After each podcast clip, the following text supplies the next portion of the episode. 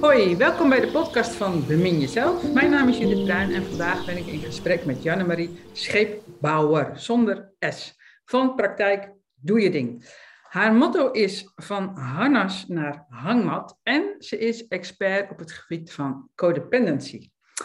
En Janne-Marie, hartelijk welkom in deze podcast. En um, ja, ik zou eigenlijk wel iets willen weten van, van je motto. Vind ik een mooi motto, van harnas naar hangmat. Ja, hoor Judith, hartstikke leuk dat ik mee mag doen vandaag. Ik um, heb dat motto zeg maar vanuit mijn innerlijke wereld gehaald uh, toen ik mijn NLP-opleiding deed, uh, jaren geleden. En toen mocht ik een dilemma-oefening doen. Ik mocht twee symbolen op mijn handen zetten. Het ene symbool stond voor hoe ik nu ben. En het andere symbool stond voor waar ik heen zou willen. En uh, om een lang verhaal kort te maken, heb ik toen uh, op mijn ene hand een uh, riddertje gezien. En zonder paard weliswaar. En aan de andere kant zag ik een hangmat, die eigenlijk nog een beetje geknoopt moest worden. Op het strand met een cocktail en palmbomen. En toen dacht ik, ja, dat is waar ik eigenlijk naar verlang. Ik ben altijd in staat van paraatheid om te vechten.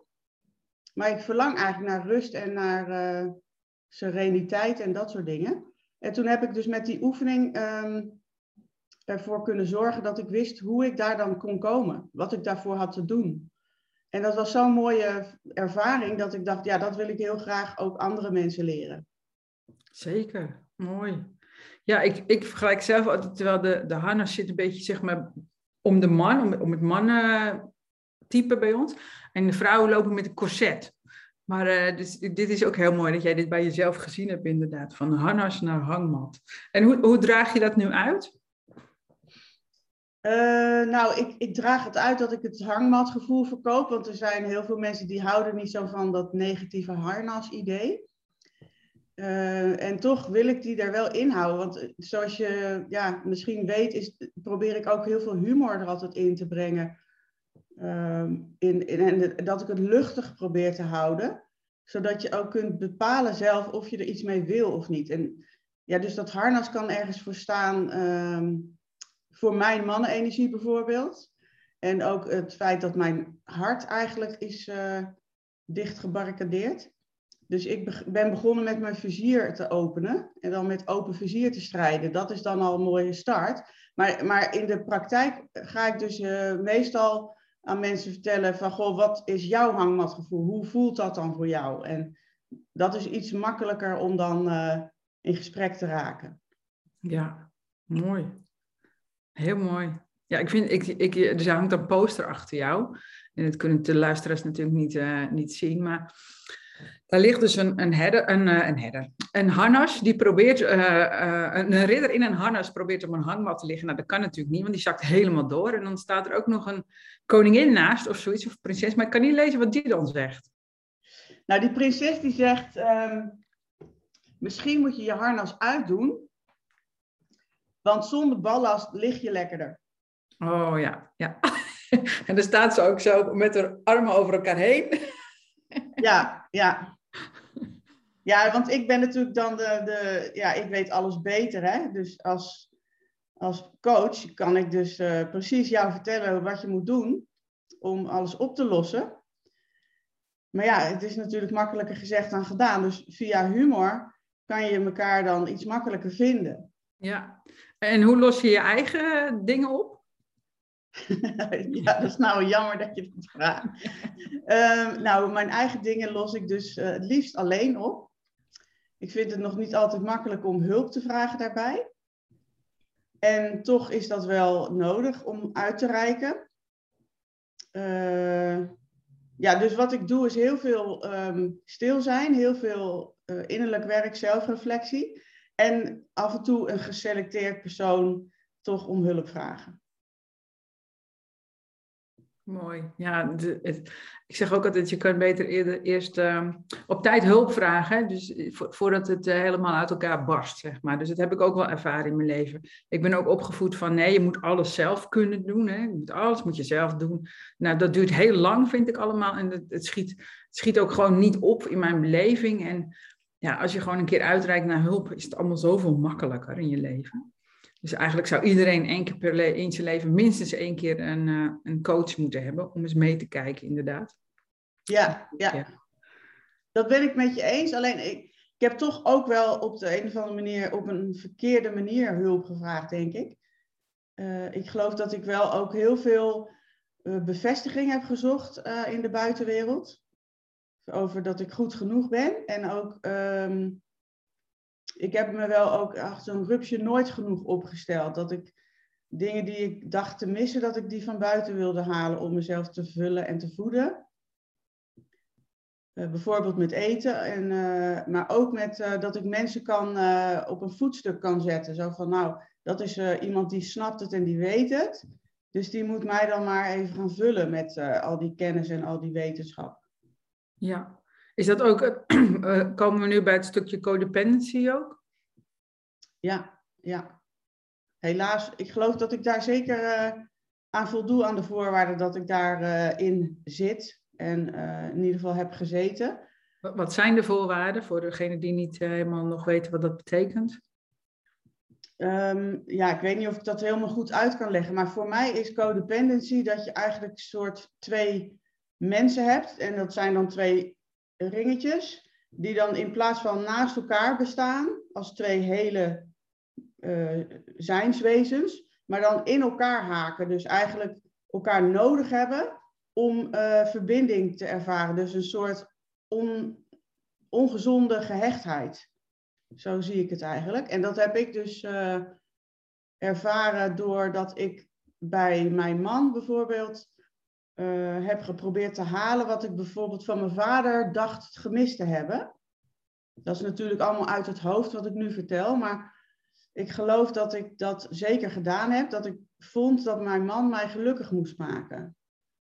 En, uh, dus, en hij heeft daar op zijn manier keihard zijn best voor gedaan om dat voor elkaar te krijgen. Alleen um, iemand die ik dus hulp heb gevraagd, die, die heeft mij uitgelegd van, joh Jan-Marie, als je dat doet bij je man, dat je iets probeert te halen wat hij niet kan geven. Wat, dan voelt hij dat energetisch dat hij dat niet kan. Toch blijft hij wel zijn best doen, maar je ontmant hem daarmee. En uh, toen ik dat inzicht kreeg en ook voelde dat hij gelijk had, want ik geloof dat als iemand de waarheid tegen je spreekt, dat je dat in je lijf ervaart. Toen, ja, toen was ik daar heel verdrietig om en ook uh, geraakt en geconfronteerd. Maar vervolgens was ik wel um, een stukje wijzer. Ja, en toen vertelde die man ook dat ik, uh, dat ik alsnog, wat ik van mijn vader gemist denk te hebben, dat ik dat alsnog aan mijn vader kan geven. Uh, omdat wat je, wat je, wat je denkt van je vader gemist te hebben, moet jij aan je vader geven. Ja, ja. Ja, dus dat, dat klinkt misschien heel uh, verkeerd om. Alleen, ja, het is dus van mij uit handig om die brug te leggen om die brug te slaan zeg maar, naar de ander. Dus dat uitreiken. Die, dus eigenlijk een soort van onderbroken uitreiking die ik dan zelf kan herstellen. En uh, dat heb ik dus gedaan. Ik heb dus intern met mijn vader gepraat en uh, aan hem verteld wat ik miste. En uh, dat raakt mij dan nu ook weer als ik dat zo vertel. En um, ik kan dus gewoon vanaf dat moment met mijn vader gesprekken voeren alsof hij er gewoon nog is. Want mijn vader is uh, in 2005 overleden. Ja, mooi. Op de opleiding leer je natuurlijk ook uh, hoe je jezelf uh, als volwassene kan geven wat je als kind gemist hebt. En, en dit is ook een mooie manier, een mooie weg om uit te reiken naar de ander en hem te geven of haar te geven wat jij denkt gemist te hebben. Of wat jij als gemist hebt gevoeld. Ja, ja precies. Ja, ja dat, die nuance, dat is uh, een mooie. Want het, het gaat er natuurlijk om mijn waarheid. En ik heb wel ook jarenlang um, onbewust mijn waarheid aan anderen opgedrongen. Of geprobeerd uh, op te leggen. Wat niet gelukt is natuurlijk. Maar ja, uiteindelijk um, is het dus handig om te snappen dat mijn waarheid niet de waarheid is.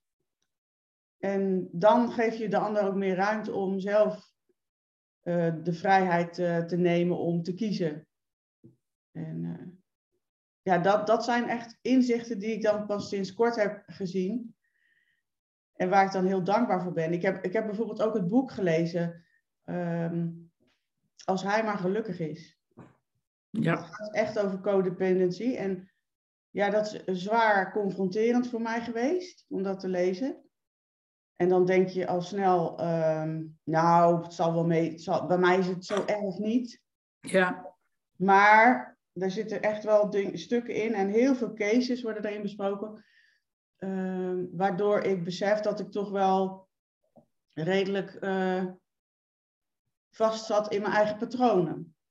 Ja. Dat heb je wel bij, bij echt wel veel vrouwen. Dat als je vraagt hoe gaat het met je, dat ze over hun man gaan vertellen of over hun kinderen, weet je wel. En dan, ja, maar hoe gaat het nou met jou? En dat, daar kunnen ze geen antwoord op geven. Dus ze weten precies hoe hun man in elkaar steekt en hoe die eh, zich voelt en wat hij anders zou moeten doen. Maar ze, ze weten helemaal niet eh, waar ze zelf behoefte aan hebben. Ze voelen alleen, ja, ze voelen zich leeg, ongelukkig. En ze beginnen ergens aan te trekken. En eh, ja, dat, dat is, ook, is ook heel logisch. Ik heb er zelf ook in gezeten. Dus we worden gewoon niet opgevoed met hoe vervul je nou je eigen behoeftes en hoe neem je nou verantwoording voor je eigen gevoelens. Ja, ja dat. dat. Ja. Wat je nu zegt, dat, dat mezelf volhouden, dat heb ik dus pas ook sinds kort geleerd hoe ik dat moet doen. En eh, hoe ik dat kan doen. En hoe ik het mag doen. En ehm, ja, het is eh, heerlijk en ook spannend om in die zin niemand meer nodig te hebben. Want ik liep ook tegen mezelf aan van ja, maar als ik niet meer nodig ben, heb ik dan nog wel bestaansrecht? Ja, En eh, dat vond ik nog wel ook een ingewikkelde om aan te kijken. Ehm, ja, ja, dus daar zijn heel veel relaties ook op gebaseerd, hè, op elkaar nodig hebben. In plaats van eh, aanvullen dat je elkaar opvult. En, en daarom komen ook zoveel relaties natuurlijk in de problemen. ja. Ja, en als dus. Ik dat heb- kennen wij niet hè, in onze maatschappij. Zo van, hè, dat, dat, die vier fases van seksualiteit. We kennen de eerste twee, hè, dat ontdekken van jezelf en experimenteren met een ander. Dan jezelf beminnen, jezelf volmaken is al totaal onbekend. Maar elkaar beminnen, dus dat je elkaar niet meer nodig hebt. Ja, dan kom je in- inderdaad dan kom je in de problemen als je daar niet over na gaat denken. Want, want we willen nodig gevonden worden. Want wie ben je dan als je niet meer nodig bent? En wat is je relatie dan als die ander jou niet meer nodig heeft? Juist. En, en ik heb dus dankzij mijn scheiding mogen ervaren dat ik gewoon kan houden van iedereen die ik wil. Eh, dus ook als ze zelf eh, zeggen en denken dat ze niet van mij houden, dan kan ik wel van hun houden.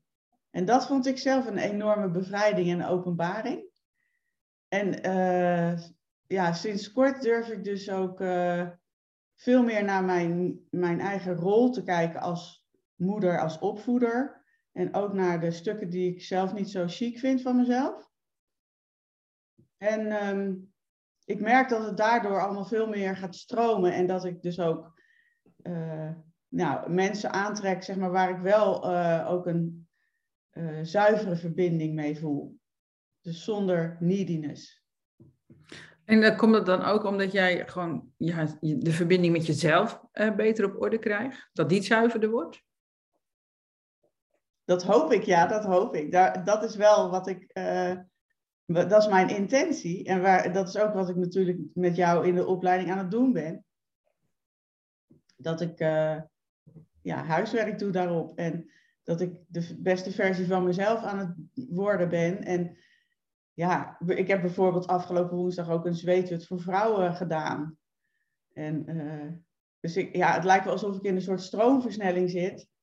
Ehm, sinds ik, me, sinds ik oefen met overgave of zo. Ja. ja. En dan komt er meer synchroniteit op je pad misschien ook wel. Ja, dat geloof Ja, op, absoluut. absoluut. Mooi. En ook enorm veel, eh, als, als ik dus... Ik heb nu bijvoorbeeld met mijn zoon nog wel wat dingen te verhapstukken. Die is, eh, ja, die is natuurlijk behept met alles wat hij van, eh, van mij heeft meegekregen. Laat ik het bij mezelf houden. Ja. Nou, dat vind ik het, zeg maar, het aller, aller, allermooiste stuk uit de opleiding. dat ik oefen met bij mezelf blijven. Ja. Dat vind ik zoiets magisch. Ja.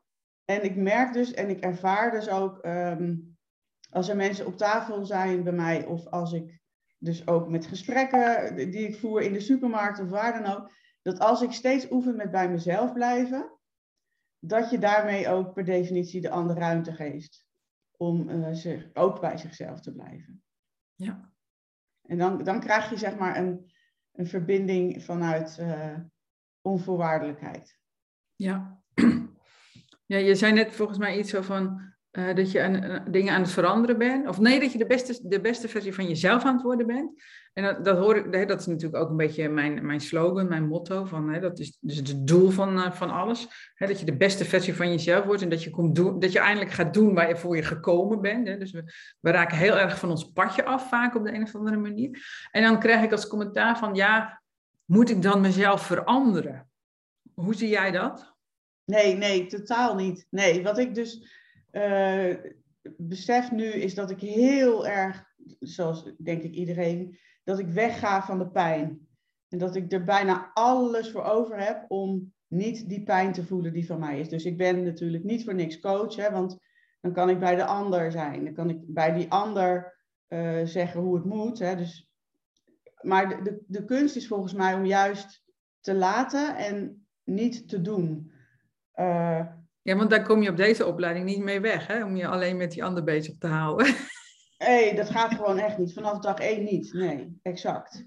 Dus, dus mijn motto is dan nu, voor, voor mijn, mijn mantra eigenlijk, uh, vanuit de, de, de zweethut was dat, uh, ik ben hier en ik luister. En um, om nu voor mij zeg maar aan, een beetje aan vast te houden, want dat heb ik toch nog wel een klein beetje nodig, die tools en die handvatten, om um, tegen mezelf te zeggen, als ik mezelf helemaal accepteer, dus met alles wat goed is aan mij, alles wat niet goed is en alles wat ik nog niet weet van mezelf, dan hoef ik ook niemand meer te helpen. En dat, ja. uh, die zakt bij mij echt helemaal naar beneden als ik dat zeg. En dan voel ik dus verbinding van, van boven naar beneden. En dat heb ik dus jarenlang niet gehad. Ik dacht dat ik altijd een gevoelsmens was. Maar ik heb dus jaren in mijn hoofd geleefd. En gewoon de onderkant uitgeschakeld, omdat dat gewoon makkelijker is. Of zo. En, en vanuit, je, vanuit je eh, hoofd creëer je natuurlijk allemaal emoties. Dus dan lijkt het alsof je heel veel gevoel hebt. Maar, maar je bent eigenlijk, word je overmand door al je emoties. Dus je wordt alle kanten op uh, gesleurd. Vergolfd. Hey, en je zegt zo mooi van, hè, dan uh, hoef ik niemand meer te helpen. En je bent coach. Hoe, ja. hoe doe je dat nu? Ja, ja. nou, uh, ik, ik uh, heb dus ervaren dat ik uh, grenzeloos ben geweest naar anderen toe. Hè? Dus dat ik bij anderen enorm grensoverschrijdend gedrag heb, heb gehad. Um, en zelf was ik niet in staat om aan te nemen, om te ontvangen. Um, dus hoe ik dat nu doe, is dat ik dus veel meer bewust ben van, uh, ik hoef niet zoveel. Uh, ik, ik heb alleen zo, te zorgen dat ik bij mezelf ben. En, en wat er in me opkomt, ja, kan ik dan delen of zeggen. En voor de rest gewoon heel veel laten zijn. Ja. ja, ik pest je natuurlijk ook een beetje, want ik weet wel uh, voor mezelf, hoe ik, vanuit mijn perspectief, hoe ik dat zie natuurlijk. Dus je hebt het zelf al aangegeven, van als ik bij mezelf uh, blijf, kan juist ook die ander bij zichzelf komen. En, en uh, wat deze opleiding onderscheidt, is dat je gaat uit van het zelfhelend vermogen van de ander op fysiek, emotioneel en, en spiritueel gebied. Uh, maar dat ga jij niet eens voor die ander aanzetten. Je, je, je zorgt ervoor dat die ander het bij zichzelf aanzet. Dus in die zin klopt wat je zegt van, ik hoef niks meer op te lossen. dat klopt helemaal, dus ik, ik pest je ook een klein beetje daarin. Ja, ik vind het heerlijk dat je dat doet. En, en het is ook zo uh, nieuw en anders en wennen om. Want die neiging zit er natuurlijk bij mij nog wel. Om, om gelijk in die ander te springen, zeg maar. Ja. En ondertussen dan, zeg maar, als een, uh, als een um, stampvoetend kind soms uh, te zeuren van dat ik niet krijg wat ik wil.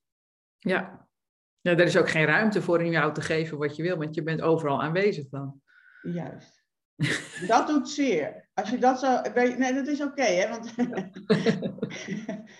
het is, dat, dat is, geloof ik, uh, wel ook. Ik hoop dat het niet alleen bij mij is. Nee, dat is niet alleen bij jou. Dat is bij iedereen. Ja. Dan voelt het toch een beetje minder eenzaam. Nee, ik voel wel echt verbinding nu, veel meer dan vroeger, met vrouwen bijvoorbeeld. Ik, had, ik was vroeger echt een, um, zoals ze dan noemen, een vadersdochter. Dus ik kon altijd heel goed verbinden met, uh, met mannen of met uh, andere vadersdochters. En nu voel ik mij ook uh, oneindig verbonden met vrouwen. En ik zie ook, zeg maar, de, de mooie dingen van weerstand. Die, als ik weerstand voel, dan word ik bijna nieuwsgierig. Bijna enthousiast. Ja. Wat ga ik nu weer ontdekken? Ja. Maar dat is ook zo. De, de, eerste, de eerste weerstanden in je, in je leven overwinnen kost ook de meeste moeite, is het zwaarst. Kost, is, het vallen de meeste tranen. En op een gegeven moment ga je ontdekken van... hé, hey, oh, dit is weerstand, dit is interessant. Want um, als ik hier doorheen kom, dan hoef je niet te forceren, maar dan mag gewoon uh, vanuit zachtheid. Als ik hier doorheen kom, dan groei ik. En dan heb ik weer wat geleerd. Dan ben ik meer mezelf, ben ik vrijer en dan ben ik ook gewoon uh, gelukkiger. Dus inderdaad, op een gegeven moment ga je er een soort van naar uitkijken. Heel hoor ik ook wel eens dat iemand zegt, ja, nou, ik ben wel weer klaar voor het volgende stuk, weet je wel. En dan moet je er een beetje mee oppassen, want soms krijg je dan weer veel te veel. Juist. moet je het weer een beetje afremmen. Ja, maar dat doseren, dat, dat, wat jij nu zegt, dat resoneert ook bij mij. Dat, je, dat ik dus ook niet in staat was, en ben misschien ook vaak nog, om te doseren. Eh, ik ben echt zo van, oké, maar als ik iets wil, dan ga ik het ook veroorzaken. Dus dan ga ik net zo lang doormanipuleren totdat ik krijg wat ik wil. En ik kan dan heel moeilijk gewoon uh, dat geduld weer vinden in mezelf en dat wachten. Ja. En, uh... Ja, dus je bent meer van het mannelijke, van de vuurkracht. En dat is fantastisch, maar dan brandt ook snel op. En, ja. en je, als ik het goed hoor, ben je meer bezig nu met het vrouwelijke te omarmen, je te verbinden met andere vrouwen en, en je te laten dragen door de waterkracht. En dat moet ook samen. Dus vuur kan heel solitaire uh, door het leven gaan, zeg maar. En, en waterkracht niet. Dat, dat, dat werkt verbinden. Dat moet het samen, samen doen, zeg maar. Ja, ja, precies. Dus één, vlam, één klein vlammetje kan hè, om zich heen grijpen en wordt snel groot. Maar één druppel water, dat is niet zoveel, zeg maar. Dus je, je hebt elkaar nodig om die waterkracht, uh, om die waterkracht tot stand te brengen. En, en ja, dat is ook wel best wel een ding voor heel veel vrouwen. Ik krijg vaak te horen ook van vrouwen van... ja, ik ben eigenlijk niet van vrouwengroepen of ik ben liever bij mannen. En er zit ook een heel oud collectief stuk pijn bij. Dat, dat wij vrouwen hebben elkaar ook wel gewoon keihard verraden om te overleven. Om maar niet op die brandstapel te komen. En, en op allerlei manieren gaat dat maar gniepig nog door. Gewoon in, eh, in dat onbewustzijn eh, van ons. Dus vrouwen die mannen afpikken van de ander, weet je wel. Dat is allemaal uit tekorten. Van, hè, hij moet behoeftes vervullen, want mijn man doet het niet. Dus dan moet die man van een ander het eh, maar doen of zo. Of maakt niet uit. En, en, en op het werk en, en je hoort van alles natuurlijk. En ja, er zit nog weinig, uh, maar het komt steeds meer, gelukkig. Er zit uh, draagkracht onder vrouwen gewoon. Elkaar dragen, elkaar uh, de beste versie van zichzelf laten worden. Mm. Ja, vrouwencirkels zijn natuurlijk niet voor niks zo, zo populair. Dat je gewoon mag delen. Hè? Delen, delen is helen dan in die zin. En, en, en, maar dan draag je dus wat gezegd wordt met z'n allen. Ja.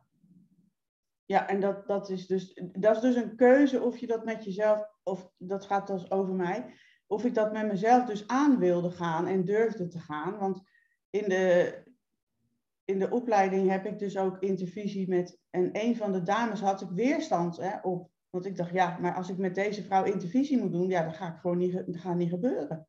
Want ik voel zoveel weerstand. En toen, toen heb ik dat dus uitgesproken. En, en bij mezelf gehouden, maar ook gezegd van ja, maar ik voel weerstand. Ja, zei ze, maar hoe, waar voel je dat dan in je lijf? Ik zeg ja, maar ik wil ook helemaal niet getherapied worden door jou. Ik wil gewoon, uh, ja, ik, ik kan nu gewoon niet dit doen. Want ik, ik voel weerstand bij jou. Maar ik, ik snap wel dat dat mijn weerstand is. Dus zou je met mij dat willen onderzoeken? Mag ik jou daarvoor uh, vragen of, hè, om dat uit te zoeken met mij. Nou, en dat was echt heftig. Want ik voel, ja, daar kwam echt van alles bij mij aan oude pijn omhoog. En ik, ehm, ik voelde me ook dader. En toen uh, hebben we dat dus uit kunnen. Toen, zij, heeft, zij was in staat om het te laten kabbelen. En uh, uiteindelijk is dat dus een enorme mooie verbinding nu aan het worden.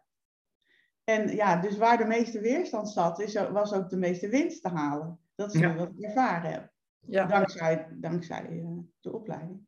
Ja, ja dat, maar dat is ook echt zo. Dus, en, en, maar dat is, het is niet zo dat, hè, dat elke weerstand die je tegenkomt, dat je die ook meteen zeg maar, gaat nemen of gaat doen, of hoe je het noemen wil. Het, uh, dus, dus, alles heeft, het weerstand heeft ook wel zeker wel degelijk een functie, wil ik alleen maar zeggen. Het is niet zo dat je nu, uh, hè, de luisteraar, als gek op zoek moet gaan naar weerstanden, want dan wordt je leven leuker. Nee, het komt echt wel gewoon, het leven brengt wel weerstanden op je pad. En dan ga je kijken of je het aangaat of niet. En of je daar hulp bij nodig hebt of niet. En dan, uh, ja, dan ga je wel, uh, ja, wat we dan noemen groeien. Hè? Dus meer jezelf worden. Dus, uh, dus niet veranderen, maar meer, um, ik noem het altijd rollen of maskers. Rollen af, afdoen of maskers afdoen. En niet meer in die rol stappen die je gewend bent. Bijvoorbeeld van de helper of zo. Van de regelaar. Of, noem het maar op. Herken jij rollen bij jezelf? Oh ja, vreselijk. Ja, ja nee, het, het, komt gelijk weer terug zeg maar, bij mijn, mijn zoon. Hè, dus dat ik, niet alleen mijn zoon hoor, maar ook mijn andere twee kinderen. Dat ik dingen, uh, dat ik dacht dat ik de wijsheid in pacht had. En dat ik, dus ik dacht, nou, ik heb vroeger zoveel liefde ontvangen. Ik kan dat doorgeven en ik weet hoe het moet. En uh, dus ja, die mensen zijn daardoor gewoon onder mijn juk. Hebben die geleefd. Misschien, ja, en als ze dit zouden horen, zouden ze zeggen, nou, misschien is dat iets te zwaar. Maar ik geloof dat, nu heb ik dat dus met mijn zoon uh, uh, heel concreet, zeg maar, speelt dat nu. Je zoon is 18 of zo? Hij is nu 19 net. 19, ja. En, en um, ik merkte dus dat als ik bij mezelf blijf en vertel over hoe, wat het met mij doet en hoe ik erin zit en wat ik wel voor hem kan doen en wat ik niet kan doen. En dat hij daarin zelf mag kiezen. En dat het ook oké okay is om het even niet te weten. Uh, maar dat, ja, dat hij dat zelf ook mag uh, besluiten of, die, ehm, of dat van hemzelf ook mag. Hè? Dat, het, dat het niet weten of dat het even shit is, of dat mag van hem. Ja. En, en dat opent, en dan, als ik dan dus echt op, oprecht berouw heb over dingen die ik, hem, die ik heb gedaan. Hè, want op het moment, ik geloof dat op het moment dat je iets doet, dat je dan even niet voelt. Als dader voel je volgens mij even niet. En als ik daar, dus nu heb ik dus ervaren dat ik hem iets heb gedaan wat niet oké was, bijvoorbeeld. Hè, een concreet voorbeeld. Ga ik niet noemen hoor, maar er is nu een concreet voorbeeld in mijn leven wat ik, waarvoor ik sorry heb gezegd tegen hem. En nu besef ik dus wat ik hem heb aangedaan daarmee. En we hebben dat besproken met elkaar. En hij heeft dus ook aan mij gezien en gevoeld dat ik oprecht daar spijt van heb. En dan uh, leer ik dus van hem. Ja. En, uh, en het opent voor hem, hoop ik, uh, de weg voor zijn eigen pad. En dat hij zich toch gesteund voelt ook door mij. Dat ik hem niet in de steek laat, maar dat hij wel de vrijheid heeft om zijn eigen stappen te zetten. Ja, en, en dat het ook zeg maar, bij het leven hoort, heel veel dingen. Hè? Dus uh, niet alles goed doen, zeg maar, als je goed en fout wil benoemen. Dus we doen niet alles goed. En, uh, en het is ook fijn als er niet, niet weten is, dat het er mag zijn, wil ik zo nog wel even op, op terugkomen. En, en wat je zegt van hè, als dader voel je even niet. Ik snap wat je bedoelt. Ik denk zelf ook dat je juist wel voelt, maar dan je kindpijn. Dus je zit zelf even helemaal in je kindpijn en daardoor word je dader. Hmm. Ja. ja. Dus je kunt in ieder geval niet meer empathisch zijn naar de ander, dat is duidelijk. Dus dat is dat stukje, denk ik, wat jij zegt van ja, je voelt niet. Maar ja, dus dat snap ik. En ik denk ook dat je juist wel voelt. Alleen het doet heel erg pijn wat je voelt. Dat wil je misschien helemaal niet voelen. En daar vanuit handel je dan. Ja. Ja, ik, dat zou kunnen, Judith, maar daar ben ik dan dus nog niet. Maar die nuance die spreekt mij zeer aan, ja. ja. Dat is weer mooi onderzoek. Ja. En, en dat, dat niet weten vind ik ook wel even aanstippen, want vind ik, ik vind dat zelf heel belangrijk. Het is eigenlijk, als zou je een oefening gaan doen met niet weten, is eigenlijk super fijn als je mag zijn in het niet weten. Dus je wordt van jongs af aan, hè, wordt je geleerd dat je alles moet weten. Kennis is macht. En als je het niet weet, ja, dan sta je gewoon voor lul in de klas.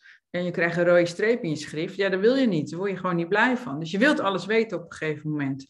Veel. En, en, maar, het, maar het is zo fijn om niet te weten. En hè, het is nu uh, december 2021, super spannende tijd. Het gaat er echt wel een beetje om spannen nu, welke kant het op gaat. En ondertussen weten we het niet. En, uh, en onze jeugd ook. Er komt ongelooflijk veel op ze af. En, uh, en we weten het niet.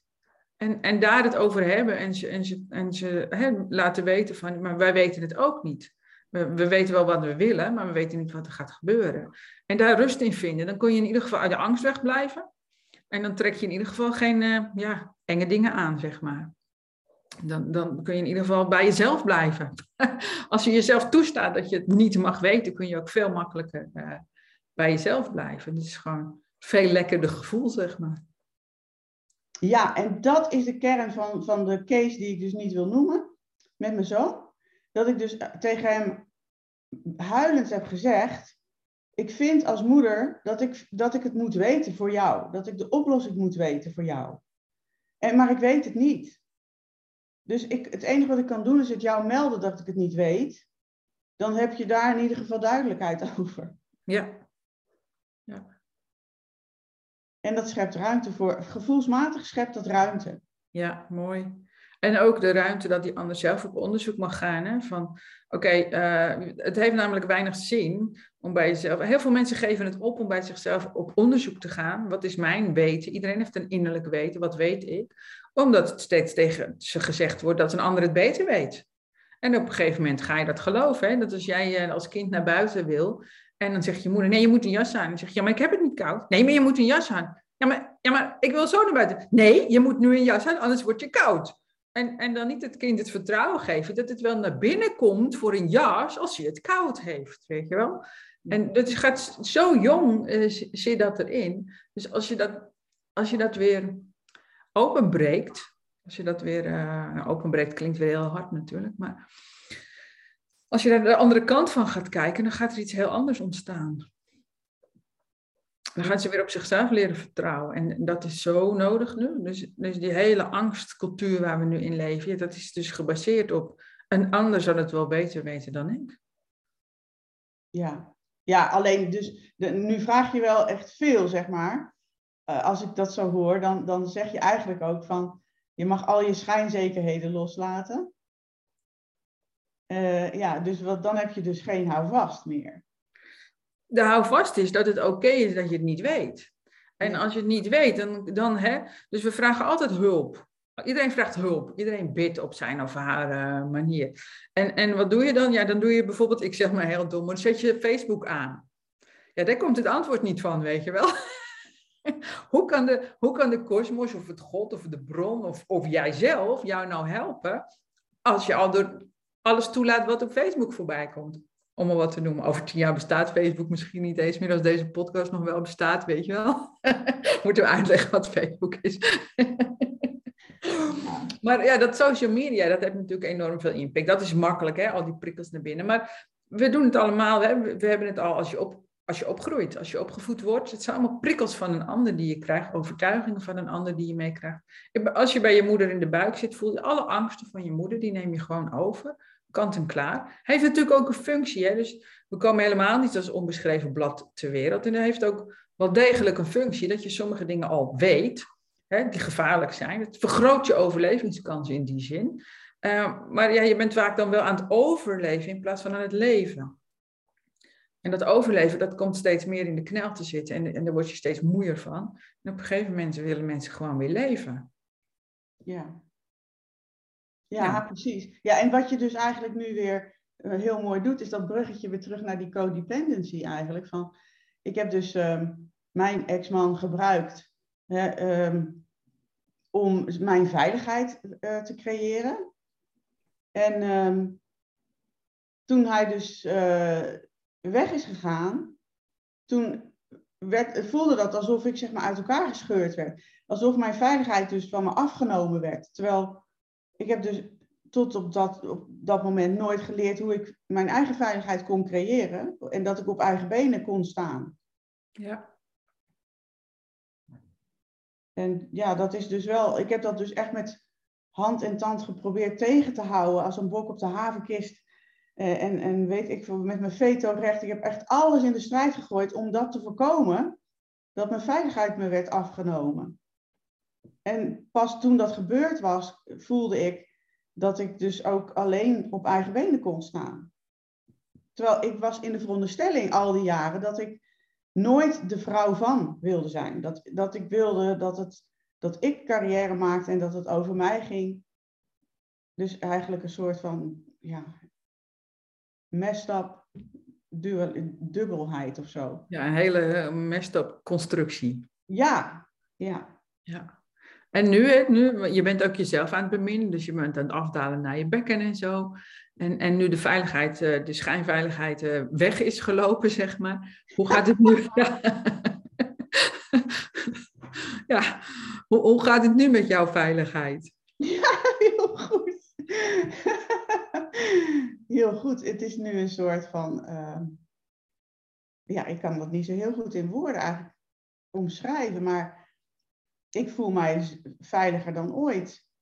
Ik kan, uh, ik kan zeg maar ook, ja, ik kan mezelf dus volhouden. Dat, dat kon ik op, op een bepaalde manier kon ik dat al wel. Alleen nu kan ik dat veel meer uh, uh, benoemen en ook, ik kan nu veel meer zeggen wat ik nodig heb. En, want ik haal natuurlijk nog steeds ook wel dingen uit verbinding met anderen. Ik heb echt verbinding met anderen nodig. Ja, daar zijn we ook mens voor, hè? Dat is helemaal niet raar of zo.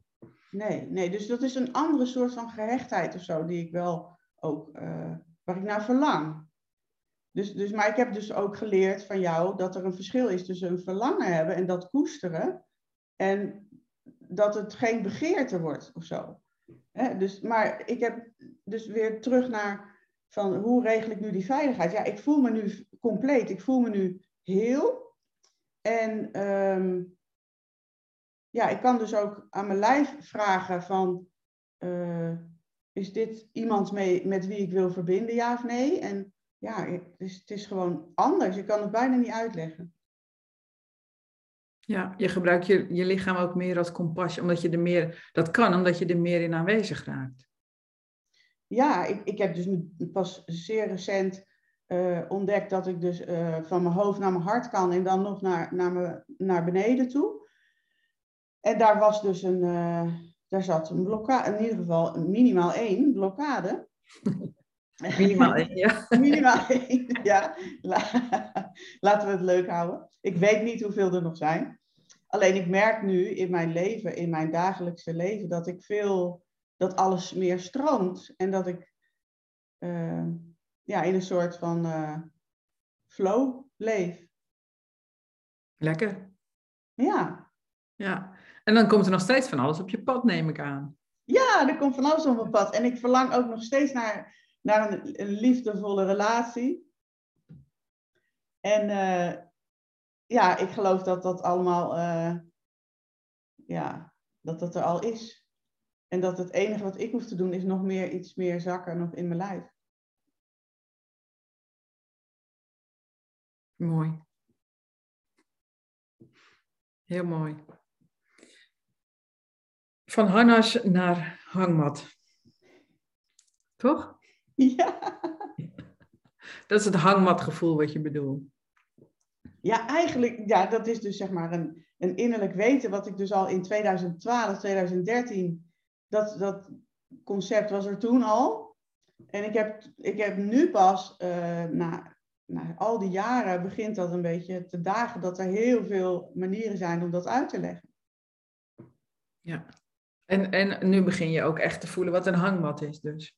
Juist, ja. ja het, is, het is ook hè, dat, dat, het, het zijn in het niet weten, dan lig je toch gewoon in een hangmat. ja. Toch? Ja, ja, en ik kan er nog wel een beetje een paar andere fantasieën bij bedenken hoor. Zo. Daar gaan we het vandaag niet over. Oh. het mag hoor, het heet ook de Sexual Healing Coach opleidingen. Ja, nou, zal ik hem een beetje delen dan? Ja, we kunnen het er altijd nog uitknippen, hè? nou ja, weet, ik moest van, de, van de week moest ik ineens denken aan, oh Jan-Marie, hangmat. Je hebt ook van die seksuele hangmatten, zeg maar. Oh, ja. ja. Dus dat, dat is mijn associatie die van de week kwam. Dus dat zegt misschien ook iets over mijn groeiproces. Ik weet het niet, maar het was wel in ieder geval een positieve gedachte. Ja. Mooi. Ja, want je bent ook je, je seksualiteit aan het trainen. Onderdeel van, van de opleiding is dat je dat zelf doet. Het beminnen van jezelf doe je zelf. Dat doe je niet klassikaal of zo. Dus, dus, dus hoe gaat het daarmee? Nou, voortreffelijk. voortreffelijk. ja. Nou ja, ik bedoel natuurlijk, merk je daar verandering in? Ja, ja. ja. ja ik, ik, oh, poeh. Nou heb ik dus enorm de neiging om bij mezelf weg te gaan, hè, om een verhaal over iemand anders te vertellen. Oké. Maar ik, laat ik zo zeggen, ik gun het iedereen om dat te ervaren, want het is natuurlijk ook echt niet uit te leggen wat je dan ervaart. Maar het is. Uh, ik wist niet dat het bestond. Ik, uh, ik zeg maar fase 2, hè, van, je hebt, je, jij zei die vier fases noemde jij net, hè? Van, ja. Je begint met jezelf ontdekken, dan de ander ontdekken. En dan fase 3 is dan jezelf beminnen. Nou, dat, dat is echt heel wat anders dan jezelf ontdekken. Dat is echt gewoon een nieuwe dimensie. Voor, voor mij was dat uh, ook iets wat ik vond dat een ander mij moest geven. En, uh, en, het is, en het was voor mij per definitie onveilig om mij over te geven aan een ander. In, in, de, in, zeg maar, in een liefdesrelatie. Mm Dus dat hield ik altijd graag in eigen hand, laten we het zo zeggen. Ja. En, uh, dus, maar nu heb ik dat uh, door die training ja, kan, ik, kan ik precies zeggen wat wel en niet kan? Kan ik, kan ik heel makkelijk grenzen aangeven? Kan ik zeggen hoe ik het wil? Uh, dus tegen mezelf. En dat zou ik dan dus ook tegen een ander kunnen zeggen. Ja, en, en hoeveel tijd je ergens voor wil. Ja, ja. En ik mag nu alle nuances die ik altijd al voelde en had, die kan ik dus ook nu gewoon er laten zijn. Dus ik was altijd al wel iemand van een vingerspitsengevoel op een bepaalde manier. Maar dat, dat kan ik nu ook gewoon uh, helemaal uitleggen. Eerst aan mezelf en dus ook straks aan een ander. En dat is echt, dat voelt pas echt veilig en vertrouwd.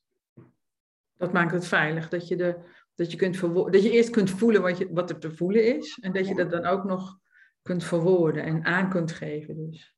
Ja. ja. Ja, want ik, ik heb dus, uh, ik help dus ook mensen uh, vaak met paarden uh, met, met extreme trauma's.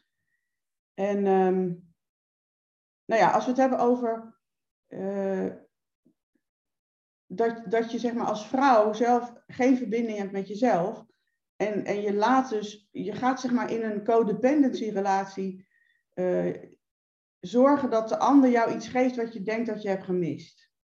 Dan, dan, dan kan ik me dus zeg maar opstellen als, ja, dan, dan ga ik zeg maar allerlei dingen doen bij mezelf weg om te veroorzaken dat ik daar iets voor terugkrijg. En wat per definitie dus niet goed hoeft te zijn voor mij. Ja. En, en dan, ja, dat is een beetje cryptisch misschien, maar het kan dus zomaar zijn dat een man mij iets aandoet uh, wat niet oké is. Eh, terwijl hij dat helemaal niet wilde.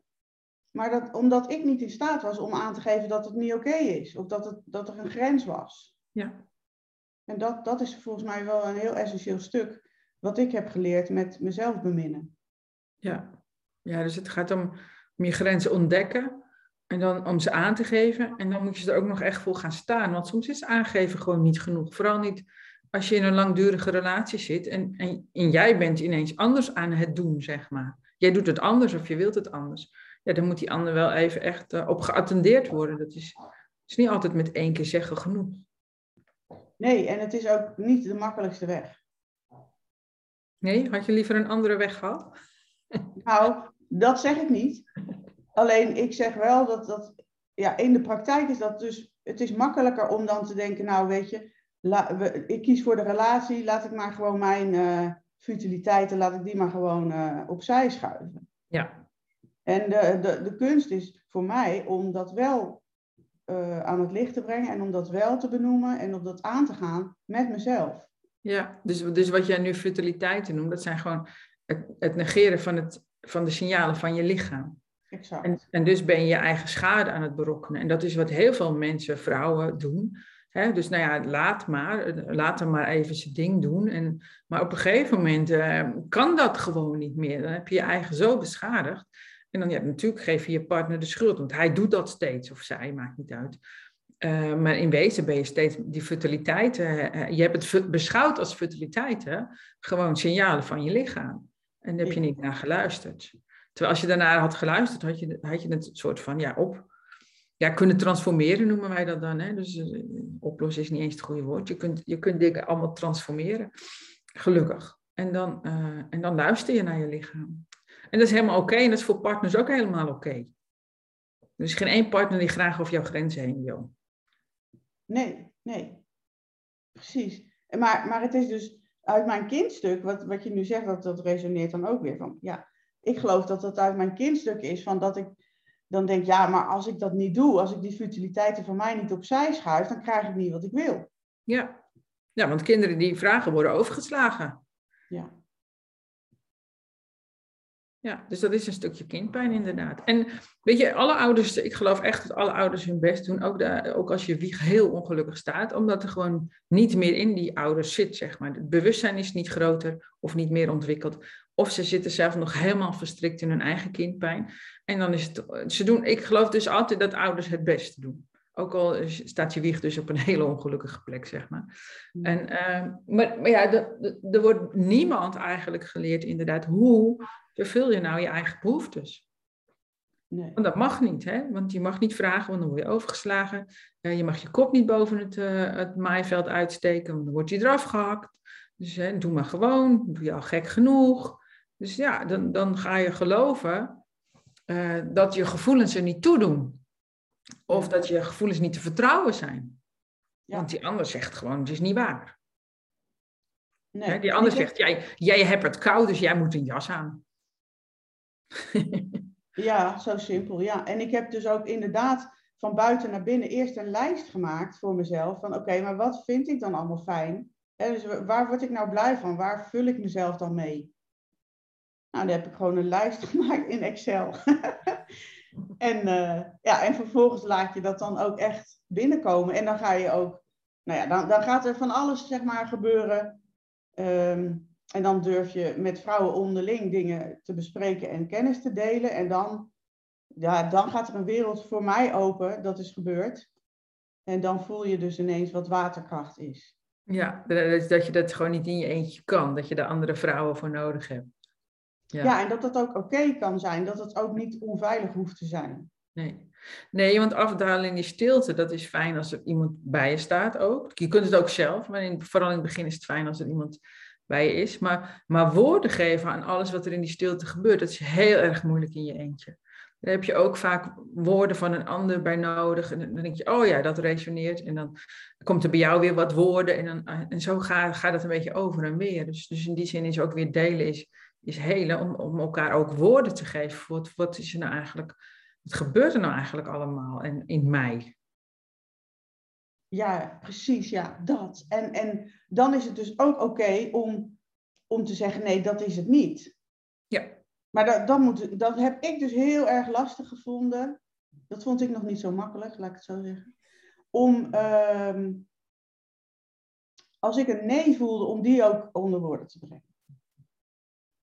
Of, de, of mijn, mijn weerstand gewoon dus te benoemen en, en daar dan... Uh, en wat, dan, dan brak ik af, hè? Dat, dat was mijn stuk. Als ik weerstand voelde, nou, dan was het dus ook het helemaal over, zeg maar, met die persoon.